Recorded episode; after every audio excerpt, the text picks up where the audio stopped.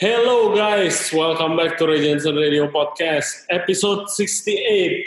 Still with Ignatius Gorbashev, Ignatius Gorbi yang ada di Amain di Germany. How are you? Baik, baik, baik. Gimana di sana? Keadaan sudah mulai membaik atau masih eh, goyang-goyang nih COVID? Masih goyang-goyang, belum membaik. Beda lah di sana. Gua kemarin kemarin gue baru ngomong sama eh, ngobrol banyak sama temen gue yang yang dia punya cewek itu dokter Oke. yang, di- yang lagi apa di sini kan banyak eh, ada beberapa rumah sakit dadakan gitu kan kayak contoh Maksudnya dadakan? Oh, yang buat itu corona. iya jadi kayak apartemen Kalibata itu satu Itu di rumah sakit. satu gedung jadi rumah sakit terus wisma atlet satu area itu jadi rumah sakit terus Oke. gue actually mau ngobrol-ngobrol sama dia eh gue ngobrol-ngobrol sama dia kemarin kayak ceweknya cerita kayak gila banget coy kayak ada ribuan di sana masih ribuan Yang terinfeksi. iya yang terinfeksi ada yang terinfeksi tapi nggak kenapa-napa tapi positif ada yang parah banget kayak kayak gitulah Iya kacau banget emang. Makanya gue juga bingung Indonesia gimana nih. Ini kayak belum pik-piknya masalah coronanya juga kan. Belum belum. di puncak. kalau kalau kalau menurut gue kalau menurut gue di di Indo I'm not an expert tapi kalau Ya. menurut gue kayaknya belum ya but whatever happens happens lah we need to move on jangan bete-bete mulu gara-gara corona guys keep Dan positif, stres. keep positif tetap semangat eh, Tetap masuk di rumah. Kan dan inspirasi banyak banget Iya, Gor banyak banget yang ngontek gua DM itu kayak gua kesiannya sama yang baru lulus sih baru lulus sekolah master Oh, lagi yang semangat lagi mencari kerja ya? Iya. Jadi Oke. ada beberapa, at least three or four people ngontek gua dari Instagram. Kayak dia baru lulus, dia lagi mau intern di restoran bagus, tiba-tiba ya corona disuruh balik. Di Indo juga sama aja, jadi dia nggak tahu mau ngapain. Nah, aso. Dia Ya. di luar apa gimana? Dari luar, dari luar. Dan ada juga beberapa yang dari lulus dari Indo juga. Ada yang dari NHI baru lulus. Terus kayak mau ngapain? Dia bilang kayak dia mau nyari kerja di mana? Gue bilang kayak nggak bakal ada yang Nyari. nggak ada yang mau terima. Lagi lagi krisis. Kasihan banget itu yang di luar negeri yang padahal opportunity-nya udah gede banget. Dia nggak usah bolak-balik ke Indonesia lagi. Cuma kayak gitu. Yes. Cuma nanti rezeki nggak bakal ke mana lah. Pasti Iya. ada lagi. hanya dan advice yang gue berikan ke dia itu kayak lo at least sibukkan diri lo ya feel feel your time with your passion lah kalau lo passion lo masak kayak ya lo ya lo masak lah sekarang zaman sekarang kalau menurut gua nggak perlu lu sekolah masak jauh-jauh buat lu belajar masak yang proper gitu loh di sini buku Bisa lihat YouTube. banget YouTube udah banyak banget Lu Eh, lihat YouTube gua aja biar masaknya proper. Yoi, yoi, yoi, yoi, gila segway bagus juga nih YouTube baru kita, mantap. Yoi men, nih gara-gara covid nih gue nggak punya kerjaan kan, gue bingung buat mau ngapain. Terus gue daripada pusing, gue tiap hari biasanya gue 11 2 jam eh 12 jam berdiri masak, terus gue tiba-tiba stuck diem, pala tuh pusing. Maksudnya gimana ya? Nah, gue ngapain ya? Stres main handphone dari melek sampai tidur masih handphone lagi. Terus ya udahlah, ah bikin aja YouTube. Ya udah gue bikin YouTube, gue kasih resep-resep yang dulu pernah gue kerja di restoran Michelin Star atau restoran biasa, pokoknya makanan-makanan yang kita udah pikirin ini bisa lah masak di rumah, nggak usah complicated, nggak usah apa, yang penting rasanya on point. Oke, eh, guys yang belum tahu atau yang belum pernah dengar, Chef Ignatius Gorby itu punya YouTube channel, namanya Bad Plating by Ignatius Gorby. Betul, di Check it out. subscribe. out. Nanti gua taruh di description deh. Eh, channelnya hits banget. Dia masak kalau menurut gua eh Gorby Straight itu point. unik karena makanannya itu pertama jarang ada yang benar-benar uh, restoran quality food dimasak dengan format Hmm. YouTube channel gitu jarang banget gitu. Restoran quality ya. Apalagi ini restoran quality German European quality gitu kan. Terus Iya. lu masak dengan detail, info detail, tapi approachable dan nggak gimmicky, nggak gimmicky gimana ya bacot. kalian tahu lah, kalian tahu lah gimana gimmicky gitu kan di kalau cooking masak channel Indo. No offense to Will Goss, Arnold dan lainnya. Gitu. no offense, no offense. Tapi menurut gua, menurut gua, eh bro, no offense lah. Mereka, mereka, mereka doing a lot of service. Doing their job. Kita cara approachingnya beda. Kalau mereka begitu ya begitu, gue nggak bisa kayak gitu. Iya, with that being said, kayak cooking channel di Indo, khususnya yang gede kayak Chef Arnold punya atau Will Goss segala macam dan yang lainnya masih banyak lagi. Itu kayak they, they're doing a really good service buat supaya orang Indo banyak yang masak. Pertama yang coba Iya, masak. Kedua jadi lebih explore tentang makanan kalau menurut gua. Ya betul. Jadi kayak ibu-ibu muda biar dia masakin buat suami-suaminya. Mereka punya marketnya sendiri-sendiri lah. Iya, Cuma kalau gua, iya betul betul betul betul. iya betul kan? Cuma kalau gua tuh kayak gua pengennya kayak kan banyak orang-orang yang lulusan dari sekolah mana baru mau cari pengalaman atau mau nyari gimana sih masak di luar negeri gitu ya makanya gue mau ngincernya tuh sebagian kecil orang itu supaya dia pas kerja buat orang lain dia udah punya basic atau apa gitu Hmm, hmm, hmm. at least Oke, lu ada di Jerman. Hmm? ya kan? Gimana cara prosesnya lu make sure ini ini eh, makanan orang Indo bisa coba masak dan di rumah. Gimana? Wah, itu dong ris- R&D R&D apa? research and gue kadang-kadang suka ngecek bahan-bahan di Tokopedia gue cari dulu ada nggak nih kalau gue mau masak ini sumpah gue nggak bohong terus gue tanya temen gue ada kan dia istrinya kayak mereka baru join maksud maksudnya baru reunian. Hmm. istrinya dibawa ke Jerman terus lidahnya juga masih lidah Indonesia kan. Hmm. kadang-kadang gue panggil ayo makan rumah gue nih tes gitu.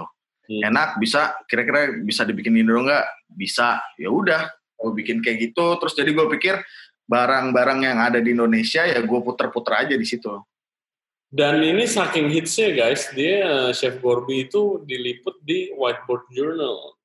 oh iya itu apa sih tuh gue dikirimin DM DM lu di sini lu di sini lu di sini gua kayak ini Whiteboard Journal apa sih? Gue masuk sini kayak gue sebel gitu.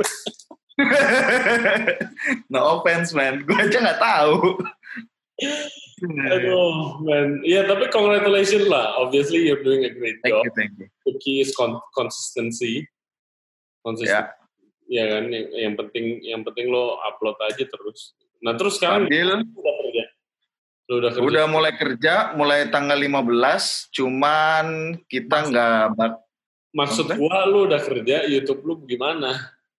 Ah, so, gue kira zaman jadwal gue kerja sekarang. gue masih banyak stok kok video. Jadi kalau gue misalnya bikin makanan sekarang ya bisa diupload buat tiga minggu lagi. Gue punya spare video banyak. Oke. Masih aja tunggu aja guys, tunggu. Oh, mantap.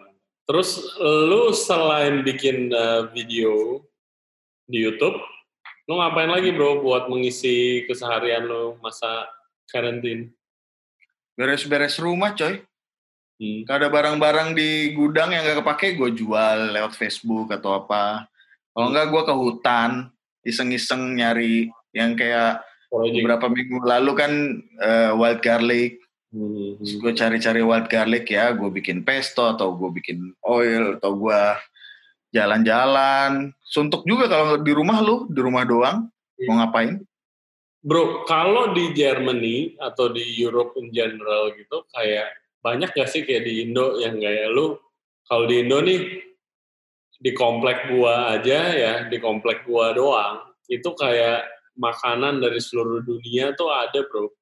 Ada yang bikin sushi, PO bikin sushi, gua bikin bakmi and Ah, ada PO bikin barbecue, smoke meat, ada yang bikin bakso goreng, ada yang bikin eh, Indian food, oke. Kalau di sini Segala nggak ngeliat. kalau di Europe lu mau bikin mau lu kenapa nggak buat PO aja gitu? Bingung gue, cuman gue eh, dua hari yang lalu kayak bikin eh, putri salju. Putri salju. Kue putri salju, gue liat nih bentar lagi lebaran nih bikin putri salju. Ah, terus gue pernah kerja sama orang, dia pernah kerja di Aqua itu, pastry chefnya. Di sini ada, Eh, tunggu tunggu Gor. Guys, Aqua ini one of the best restaurant di di Germany. Jerman, dia Bukan three Michelin star di Wolfsburg. bukan air minum coy. Oke oke. Terus Iya, dia tiga Michelin star waktu pas itu dia di bagian pastry-nya. Terus di Bitlabu kerja sama gua kan bareng, kita bikin petit four-nya pas lagi Natal itu kue kayak putri salju. Satu banding satu. Cuman ada rahasia resepnya, makanya gue bikin di rumah, gue kasih pacar gue, gue kasih temen-temen dites. Nih, gimana nih kalau gue jual? Anjir, gue belum pernah makan kue kayak gini. Oke, kita jual, gue buka PO sekarang. lu buka PO sekarang jualan putri salju. Iya, buat Ramadan. di Jerman. Iya, kan banyak anak PPI. Kita incer aja anak PPI. Bro, nice bro, nice bro. Lu, Ya, iseng-iseng. Gue mau lihat marketnya gimana. lu tawarin orang Jerman lah, pasti bingung gak sih? Ya ada, cuma kue itu, kue itu ada di Jerman. Cuman mereka makannya itu pas bulan eh, Christmas. Namanya apa putri salju kalau di Jerman? Eh, vanilla crepe, eh, crepe. Pokoknya nanti nanti gue message, lu tulis di bawah. Eh, Ada. Bentuknya kalau dia bulan sabit gini. eh. Ya putri emang bulan sabit kan? Nah, gue taunya bulat. Gue tahunya bulan sabit. Oke, anyway, anyway. Oke, oke. Cuma kalau gua bentuknya bentuk bed plating. Karena gue males, jadi gue buletin terus gue pencet pakai jempol. Kayak nyoki ya. ya pokoknya rasanya enak banget lo belum pernah membayangkan. Nanti deh kalau gue ke Indo kita bisa bikin-bikin. Gokil, gokil. Please, please, please bikin, bikin. bikin. Oke, Eh, terus eh, guys eh, yang belum nonton podcast eh, kita sebelumnya, eh, please kalau bisa pause nonton dulu karena ini bakal eh, Nyambung. melanjutkan, melanjutkan topik yang yang tadi Episode 67 ke 68 ya. 67, 67. Sekarang 68. Nah, eh, tadi lu sempat ngomong juga itu di sana restoran ada eh, fine dining banyak fine Tutup. dining restaurant yang tutup di sana. Iya. gitu kan. Ada kayak contohnya baru beberapa hari yang lalu, tiga hari yang lalu ada di sini kan kalau majalah-majalah buat gastronomi ada gitu kan. Hmm. namanya rolling pin. Pokoknya lu mau cari ide masak di situ, lu cari biologi eh biologi biografi chef-chef di situ tiap bulan beda-beda. Terus dia nulis rubrik ada chef di dekat sini, dua Michelin star, Niels Henkel, dia tuh udah lama di situ. Terus sekarang dia mesti cabut. Bukan gua nggak tahu mesti cabut atau dia mengundurkan diri gara-gara Covid ini mungkin hotelnya udah nggak bisa afford dia terlalu mahal atau costnya dia terlalu mahal kalau dilihat-lihat buat ke depannya. Hmm. Jadi dia mesti ninggalin restorannya itu. Kasian banget. Terus terus ada juga kayak celebrity chef yang dia punya restoran banyak. Dia yang suka ngomong kalau di TV-TV banyak bacotnya gitu. Giran diwawancarain di media sama politik-politik tentang COVID ini dia malah malah mau nangis. Dia nggak bisa ngomong.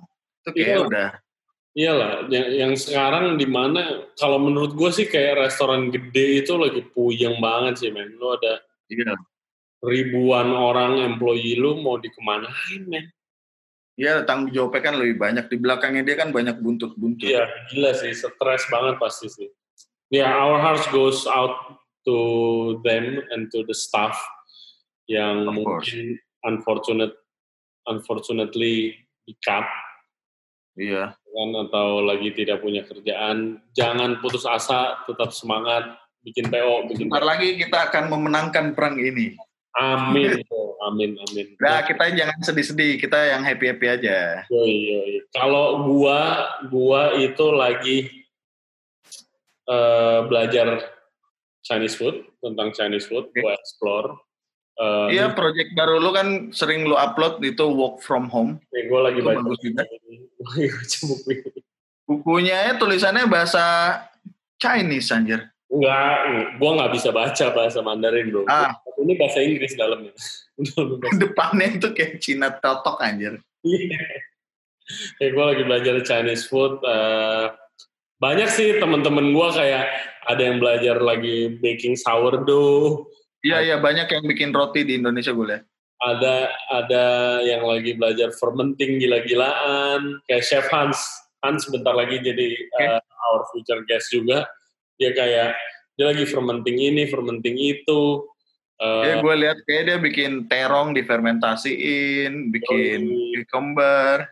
ada ada yang lagi bikin jadi jualan kimchi interesting Ah. interesting. Ada ada yang jualan cookies ya kayak I mean Banyak lah. ya dan sekalian explore gitu. Bukan jualan doang tapi sekalian belajar juga lah biasanya kalau chef oke bro. Jadi gimana nih lu udah apa jadi lumayan terkenal begini? HP lu nggak berhenti berhenti message. Belum belum. Gue baru memulai tentang per YouTubean kayak gini ya siapa tahu nanti kita bisa bagi-bagi ilmu ke orang kan daripada dikip sendiri. Tau-tau gue lupa atau gimana kemudian gue kasih-kasih ke orang. Menginspirasi orang tuh kayak lebih berguna daripada dikip. Banyak soalnya orang yang gue nggak tahu ya kayak mau minta resep ini terus ah jangan ah nanti dia malah dijual atau malah apa. Kan orang semua beda-beda Iya, antara misalnya gue bisa bikin kayak gitu belum tentu dia juga bisa bikin kayak gitu. Padahal bahannya sama dan tekniknya juga sama. That's right. gue juga lagi develop cara bikin martabak. Oh iya, gue lihat lu bikin martabak lo ya. yoi soalnya di sini tuh martabak tuh kayak anjir susah banget. Gimana sih gor? Ya udah. Orang-orang pada bikin martabak bikin martabak. Ya udah gue research. Bisa. Ntar gue videonya gue rilis cuman ini Martabak sekali lagi 99. Jangan lupa kalau jualan harus ada 99-nya loh. Kalau di Indo loh. itu angka hoki ya Apa juga harus ada 99 martabak bro. restoran 99. Cuma ini martabak yang buat di Eropa, jangan disamain kayak di Indonesia. Apa? Cuma rasanya udah sama. Maksud gua jangan disamain tuh kayak kita di sini nggak punya keju craft. Terus condensed milk ada, blue band juga ada lah. Wisman? Cuma ya maksudnya Wisman, mentega Wisman. mentega Wisman gua pakainya ghee. Itu sama nggak sih? Gue kayak gue pikir-pikir rasanya kayak mirip clarified butter juga kan Wisman itu. Wisman bukan emang Wisman clarified butter, butter bukan. Gua nggak tahu sih Nggak tahu. Wisman itu apa. Coba deh guys tulis. Gua pakainya ghee ada juga Wisman yang kalengnya merah ya kalau nggak salah ya. Iya, iya. Merah ada emas emasnya itu. Itu, Seingat gue itu rasanya mirip, eh rasanya sama. itu yang spesial bro, Wisman kalau lu tambahin itu bisa tambah 30 30 ribu kalau di sini kan. Itu loh. Iya, padahal cuma satu sendok doang. 30 ribu. Ya pokoknya udah gue develop, udah gue tes, luarnya tuh crispy, dalamnya kenyal berongga, terus pas digigit kayak agak lengket-lengket eh, gitu. Ya udah, tinggal gue rilis videonya nanti. Oke. Cuma gue bingung platingnya, martabak kan messy banget ya. Hmm. So it's so bad plating. Ya, bad lighting sama cocok sama nama lu, Bro. Oke, Bro. Kita di sini harus keep people positive and entertain at the same time. So, the topic kita ngomongin crazy kitchen stories.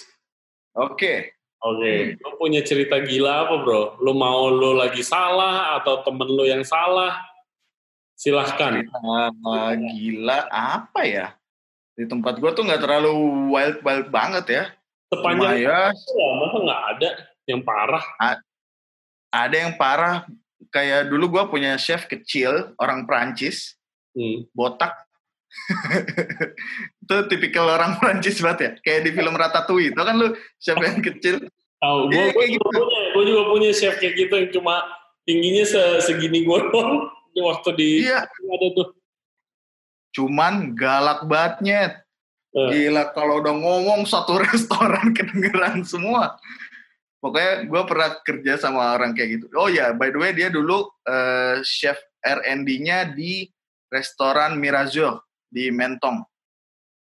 number one restaurant in the world. Yes. Terus dia pindah ke Sofitel, executive chef. Terus ya udah gue kerja sama dia. Lu bikin Terus apa sama dia, bro? Gue nggak bikin salah, cuma dia lagi marah. Yang salah tuh service. Hmm. Lagi lunch, di pas kan panjang buat kita udah kita udah ngeplate banyak lunch gitu. Hmm. Terus ada satu order salah. Ini ada che- chef the eh, dia kan executive chef ya. Ini ada chef the kitchen gue buat restoran. Hmm. Terus dia, dia gebrak pas itu, bak bak bak. Eh, kayak shit, what are you doing? Blah blah blah. You're making mistake. We are in the rush hour. Gitu. Hmm. Terus sampai eksekutif eh, sampai chef the kitchen gue nyenggol. Gue di entremeti kan. Hmm. Gordi, Gordi, gue mesti bikin apa nih? Gue bikin risotto atau apa? Lah, udah tahu kan lu chefnya. Gue gitu ya. Sana, sana, sana. Kocak-kocak deh. Ah. Terus, Kesalahan apa yang lu paling parah bikin? Kalau gua ya gua gua pernah numpahin saus, gua pernah salah paling parah. gua pernah ngelehin plastik cling wrap. Gua sendiri directly sejauh ini gue nggak pernah sih. Paling gue yang gue inget juga kayak dulu kita mau bikin beef carpaccio ya. Hmm. Terus kan kita butuh buat lunch tuh kayak udah banyak banget anjir daging. Kalau beef carpaccio kan mesti dibekuin ya. Karena mau di slice tipis banget kan. Iya betul. Hmm. Dagingnya tuh segini tebelnya. Kalau file digituin, gue dapet yang Argentina yang tebel segini. Hmm. Tengahnya masih empuk gitu. Anjir, gimana nih? Kan dia kayak baru 4 jam, 5 jam yang lalu belum beku sampai ke tengah banget. Cuma kita udah butuh. Ya udah gue potong agak tebel. Agak tebel lah. Pokoknya biasanya kan tipis setipis kertas gitu kan. hmm. Gue potong agak tebel, gue gue cobain. Ah, pasti bisa lah. Terus gue send. Kirim, kirim, kirim. Ternyata ada yang balik dua lembar. Ah, masih normal. Ada yang balik tiga lembar. Anjir, udah deg-degan kan gue ya. Terus balik setengah piring. Tanya, "Ah, kenapa tuh pada balik semua sih? Dicobain. Ini katanya ketebelan. Hah, ketebelan? Terus dicobain, dilihat. Ya, lu kalau ya kenapa nih ketebelan? Lu kalau kayak gitu ya lu bilang ke gua, jadi kita bisa taruh menu baru atau apa. Ya gue pikir ya udah ya salahnya gua. Gue pikir kita ya mesti send ini. Jadi terus hajar lo.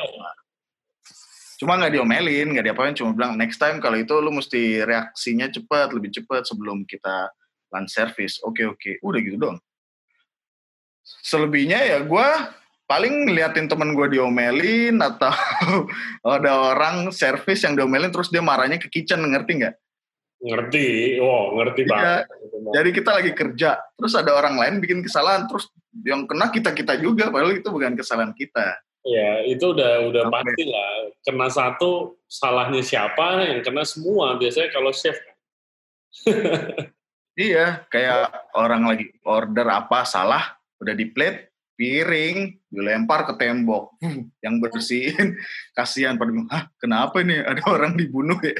Dia pada bingung. ada lagi servis, temen gua butuh kayak eh, eh, kayak saus chimichurri, tau kan lo? Yang hijau itu. Hmm. Dia udah habis. Terus dia mesti bikin cepet kan, pakai dia harusnya dipotong, dia masukin ke Vitamix. Terus Di lupa blender. nih tur- iya enggak enggak enggak enggak enggak ke, ke- enggak ke blender Oh, terus dia lupa turbonya nyala kan ke atas Oh. dia onin terus tutupnya tuh enggak enggak ditutup dia kan biasa pakai apa sih kalau yang buat masukin di oven tuh yang kayak besi itu eh, daging tray-tray. tray kecil gitu Hmm. boom ke atas terbang anjir semua hijau semua itu kocak-kocak banget dah. terus kita videoin tapi habis service malah jadi cerita lucu Iya, iya, biasanya kalau begitu habis servis baru tuh jadi cerita lucu. iya Gua paling sering tuh anak-anak aprongti itu lucu-lucu. Yoi, yoi. Dan kalau di sini kan ada makanan namanya schnitzel. Tahu Schnitzel. kan kalian schnitzel? Eh, Ya daging yang ditepungin terus digoreng. hmm. Terus kadang-kadang buat anak aprongti baru datang gitu, kita bikinnya dari lap. Lapnya dipotong kayak daging gitu. Terus kita telurin, kita tepungin, kita goreng. Nih makan, nih makan. iya, di situ mereka pada bilang, ah chef nih saya makan. Oke, terima kasih ya, terima kasih. Iya, dimakan. Dibuka, Gak bisa dipotong nih. Ya kolap isinya. ya klasik-klasik jokes kayak gitu. Ya, men, kalau di sana tuh lucu ya kayak ngejokes kayak di ospek gitu ya, di, kayak apa diisengin dulu kan kalau apprentice. Iya, diisengin. Kadang-kadang lu disuruh ke toko apa beli. Kalau di sini apa ya bahasa Indonesia ya? Jinten. Uh, cumin. Jinten ya. Iya, cumin. Di sini biasanya anak-anak baru masuk kulinari gitu disuruh beli eh, bahasa Jermannya Kummelspalten. Jadi kayak alat pemisah jinten. Lu pengen aja jinten segini gini. Cari alatnya anjir. Iya, pada mereka, hah? Oke, lu nyarinya di mana? Di toko material ada. Oke, mereka besoknya pada ke toko material kagak ada. alat pemisah jinten, kalau ada gue mau tuh. Iya. Kumel Spalten. Coba lu caranya. Gue butuh alat pemisah jinten ya buat besok. Soalnya kita mesti misahin jinten.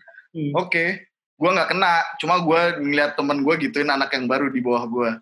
Oke, okay, terus dia besok ke toko material ke sana. Terus katanya abang-abangnya nggak ada. Mungkin lu dikerjain chef gitu. Terus dia, lu ngerjain gue ya? ya iyalah, mana ada lot kayak gitu. Bodoh.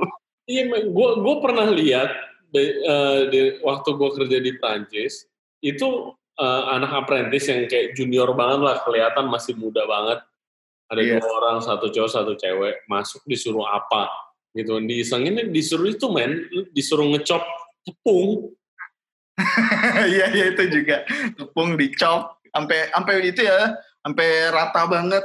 Iya. Sampai dia bisa jadi rata banget deh lo harus ini harus detail detail oriented apa kayak itu anak nggak ngerti apa-apa kayak dia ngecop tepung bro kayak ada kali yeah. satu jam gua gua kayak mau ketawa tapi nggak enak kan iya banyak banget jokes kayak gini di Indonesia kayak gitu nggak sih Nggak, nggak, di Indonesia nggak ada begitu sih bro. Di Indo nggak ada begitu. Gue belum pernah lihat uh, apa chef mecahin piring karena mahal. Mau dibantai sama sama investor lu kalau lu pecah-pecahin piring. Gue yeah, pernah, yeah. gue pernah kalau di Fish gue pernah, gue lagi marah banget tuh, gue lagi marah gara-gara ada anak apprentice gue. Okay. Ada Lu ngambil apprentice juga di Fish? Gara-gara kenal, jadi basically ada temen hmm. gue uh, punya teman, dia bilang ini dia udah hampir seumur gue yang mau apprentice ini. Oke. Okay. Dia bilang dia pengen banget kerja di kitchen, pengen okay. banget. Gue bilang, gua, sebelumnya udah kerja, udah punya kerjaan gitu udah pernah kerja, udah punya kerjaan kalau nggak salah DJ atau apa gitu musisi lah. Okay. terus okay. dia dia pengen banget kerja gitu kan. Terus habis itu di kitchen oke okay, fine gue kasih lah kerjaan di kitchen yang simple as an apprentice. Gue gaji tapi gue gaji kecil banget gue bilang gitu. Gue bilang nggak apa-apa. Dan semangatnya gede kemauannya gila banget menurut gue terlalu banyak energinya ya. Ya tapi nggak punya skill gitu kan Okay. Waktu itu hari itu gue inget gue lagi marah banget sama dia uh, gara-gara dia lagi masak bubur ketan hitam. Kebakar. Gue bilang, lu masak bubur ketan hitam jangan ditinggal, diaduk aja terus, gitu kan. Sampai kapan chef? Sampai gue datang, gue cobain, terus gue bilang udah matang, gitu kan, simple kan. Ini dia enggak, dia tinggal, gosong dan kalau di restoran guys, bukan cuma dua porsi, kita bikin tiga kilo bubur ketan hitam, iya. gosong. Terus habis itu gosong, jangan diaduk. Jadi lu yang bagian iya. atas masih bisa di salvage kan? Diaduk terus semua. Diaduk bro, gila, hancur. Gue udah ngamuk tuh, gue udah ngamuk tuh, gue buang semua. Ini tuh Nordic tuh. Jadi Burn uh, apa black gluten glutinous rice. Burn black rice. Iya. Yeah. Terus lagi malam itu servisnya uh, dia bilang dia mau coba bikin roti panggang. Oke, okay, jadi siangnya udah ngosongin ketan, ya. malamnya mau ikut servis. Ya. Ini di hari yang sama, di hari yang sama. Terus habis itu dia bilang, mau bikin roti panggang boleh gak dia coba yang bikin? Karena lagi ada order. Terus gue bilang lu yakin lu bisa? Bisa chef? Oke. Okay. emang gimana? Apa? Emang gimana bikinnya? Ya roti lu mentegain lu taruh grill kelar. Oke okay, gampang. Semua orang bisa lah harusnya. Harusnya harusnya. Gosong sekali. Ya kan? Nggak apa-apa, coba lagi. Gosong dua kali. Kok bisa gosong? Nggak tahu, pokoknya gosong. Gue lagi di pas waktu itu. Gue lagi di pas soalnya, gue nggak lihat kan. Ketiga kali gosong, gue buang roti. lempar. Gue lempar, gue bilang gue buang, terus gue tepok jidatnya. Gue bilang, anjing, gue gitu. Roti. gitu kan. Tiga roti. gue gue belum sebegitu marah tuh gue belum segitu marah tapi udah panas banget nih udah capek hati banget nih nah gue sebelnya tuh bukan sama dianya gue sebel sama temen gue yang nggak yang kenalin dia gitu kayak Asal, oke. jalan nih gue bilang gitu kan dalam hati gue terus udah tuh service and it was on a Saturday on a Saturday terus Itu Saturday lagi rame banget. lagi full, lagi full gila banget. Gue udah tahan banget gitu.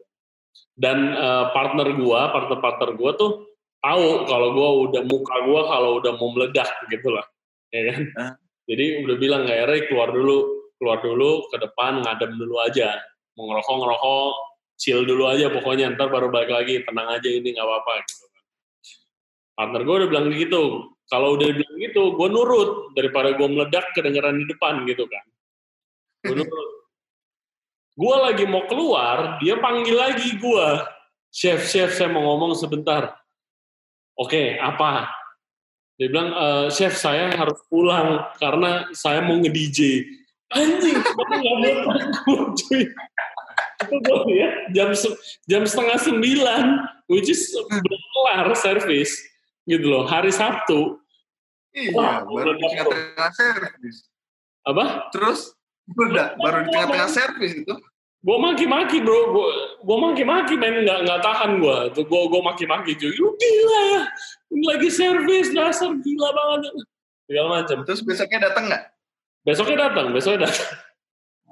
Yang yang parahnya, gue lagi ngomel gitu, ada yang foto, Yuk. ada yang foto gue lagi begini-begini. Kayak Gordon Ramsay lu anjir. Yang gilanya lagi, yang foto dimasukin ke Zomato. Wih. Oh yang foto guest jadinya. Yes, Ah oke. masukin ke Zomato, dibilang dia berasa dibentak juga, gitu. Dengar suara bentakan gua yang keras, dia berasa dibentak dan dia tidak nyaman. Restoran gua dikasih apa satu setengah atau dua gitu nilainya. Gitu. Berarti foto lu masih ada dong foto lagi gini. Enggak, udah di remove, udah di remove sayang. ya, gue mau cari anjir. Kayaknya sudah di remove. Tapi besokannya gue disidang bro sama, sama partner-partner gue. Iya, lu gak boleh ngomel-ngomel di depan guest nih. Iya nggak boleh. Tapi ya itu one of a kind. Dan dan gue sekarang udah udah udah nggak mau ngomel-ngomel. Iyalah, kalau ngomel-ngomel gitu menurut gue juga kayaknya udah old school sih. Iya Kayaknya zaman-zaman sekarang juga udah nggak ada yang kayak gitu lagi. Betul betul. Dan gue udah Soalnya kan kita itu. kerja as a team. Jadi kan kita mesti bikin uh, bonding yang bagus buat tim ya, bukannya bikin Yes. jiper atau apa gitu. Yes, that's true. Yang waktu itu obviously it's my fault. Mestinya gue bisa kontrol lebih baik gitu lah ya.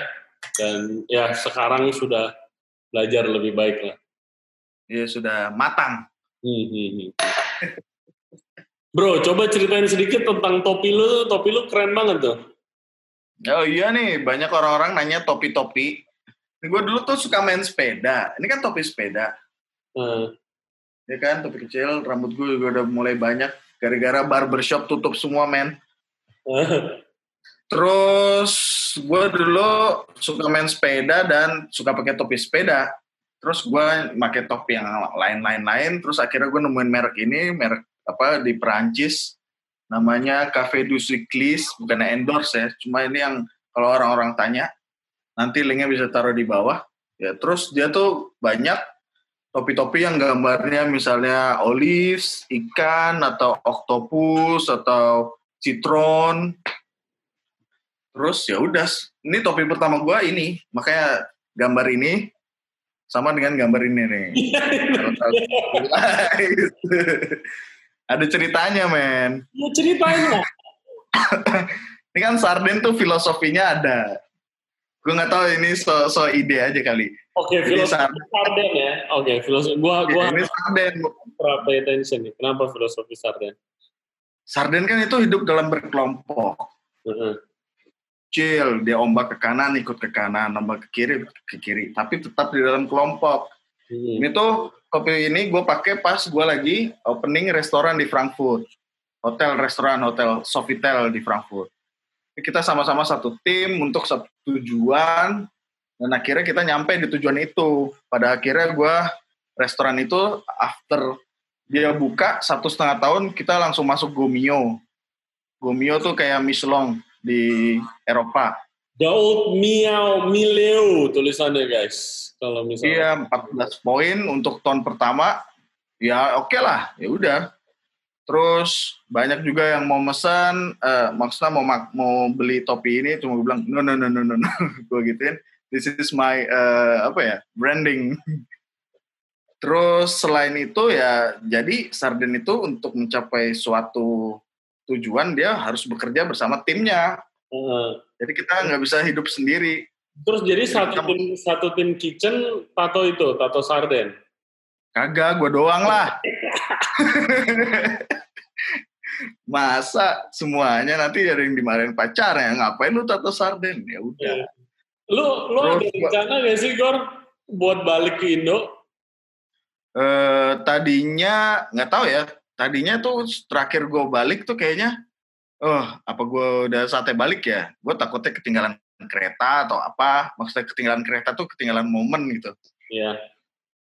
Terus tahu-tahu ada covid kayak gini, gue jadi mikir lagi apa Iya sih semua, kayak semua plannya tuh jadi bingung, jadi buyar.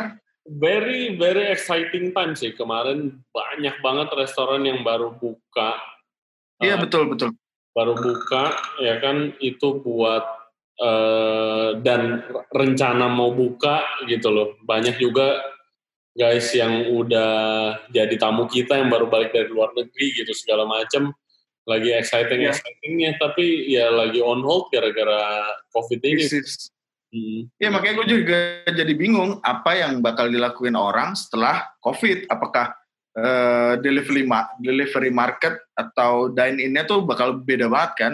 Nah Nah, makanya itu gue actually sangat Iya. penasaran gue penasaran banget how this covid thing will change our uh, live atau F&B business karena iya makanya mau dilihat dulu setahun dua tahun terus baru kita rethink. hmm, menurut tahu nanti ada saingannya feast atau saingannya restoran apa by bad plating.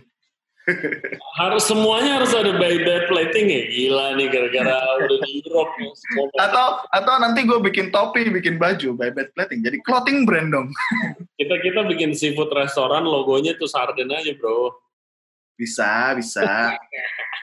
unik, unik. dan Makanya sangat-sangat disayangkan aja lah ini situasi. Cuma ya kita mesti lihat sisi positifnya. yes exactly jadi Positifnya apa? Positifnya, positifnya pertama gue gua nggak pernah spend time sama keluarga gue sebanyak ini dari gua- Betul.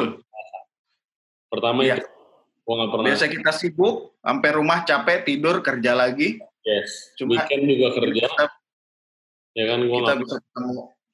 itu. Kecuali gua, ma- ibu gua, bapak gua di Indonesia, kakak gua, adik gua di Indonesia. Ya paling gua ketemu pacar gua doang, seminggu dua kali, tiga kali, udah gitu doang. Positifnya juga lu bisa punya YouTube channel.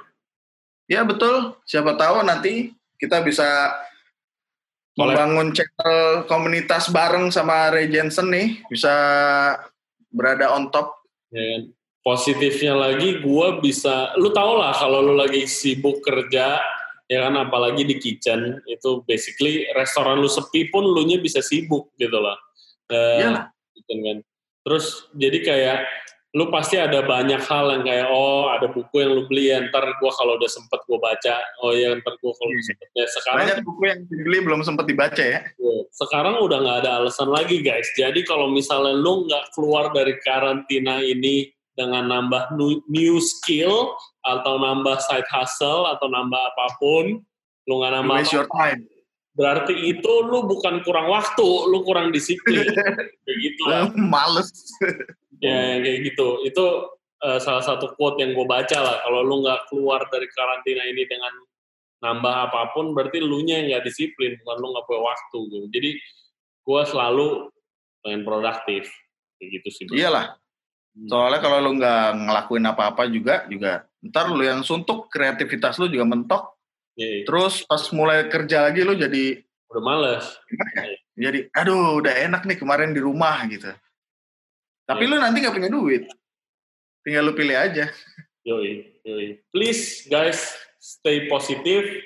Yap. We know it's hard. Please stay positive. Please keep yourself busy. Gua Kita mau, bisa menikmati. eh, gua sama Gorby mau shout out dulu buat all the doctors and all the nurse yang lagi capek gila-gilaan. Uh, we cannot thank you enough, and you are the real Terima kasih. hero, basically. And we're counting. Stay healthy juga buat mereka ya. Jangan sampai mereka ketularan sakit bahkan. Yes, yes, please stay safe. Gua nggak tahu seberapa banyak uh, pekerja uh, healthcare worker yang nonton Jensen Radio, but thank you Bentar lagi banyak amin, amin. Jangan lupa subscribe ke channel kita Ray Jensen Radio Podcast. Ada di YouTube, Spotify, Apple Podcast, Google Podcast, dan Anchor App. Jangan lupa Baik. follow Instagram. Kalau ada input, please comment down below. Ya betul. Atau bisa ke uh, DM di Instagram. At Kalau Ray ada haters gimana? Ray Johnson at bad plating Ignatius Gorby jangan lupa Ya, YouTube. YouTube channel dia YouTube channel dia bad plating by Ignatius Ignatius Corby. Nama gua aja lah, biar nggak ribet-ribet.